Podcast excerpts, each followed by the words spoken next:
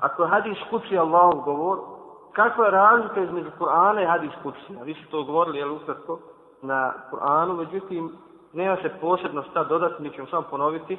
Prvo, učenjaci to, u tom pogledu navode mnoge elemente ili stvari kojima se Kur'an razlikuje od hadis kucija. Prvo, Kur'an je i tekstom i smislom Allahov govor.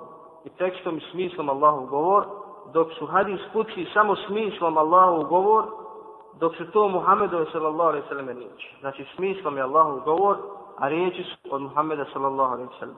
To je prva razlika. Druga razlika je da je Kur'an sav prenesen mutevatir predaju. Mi smo govorili sve mutevatir predaju. Znači da ga prenosi toliki broj da je nemoguće sumjeti u njegovu vjerodostojnost. Kur'an je sav prenesen mutevatir predajom, a hadisi kući nisu tako preneseni. Imamo hadise, hadis kući koji, koji su ahad predaje. Treća razlika je samo učenje, čitanje Kur'ana, bez obzira razumio ga ili ne razumio, jeste i badet. A čitanje hadis kucija nije. Dalje, četvrta razlika, ko bi zanijekao samo jedan harf iz Kur'ana, pa čak i samo jel, jednu riječ ili čak jedan harf, postao bi nevjernik. A onaj ko bi zanijekao hadis kući ne bi postao nevjernik, nego bio samo griješnik.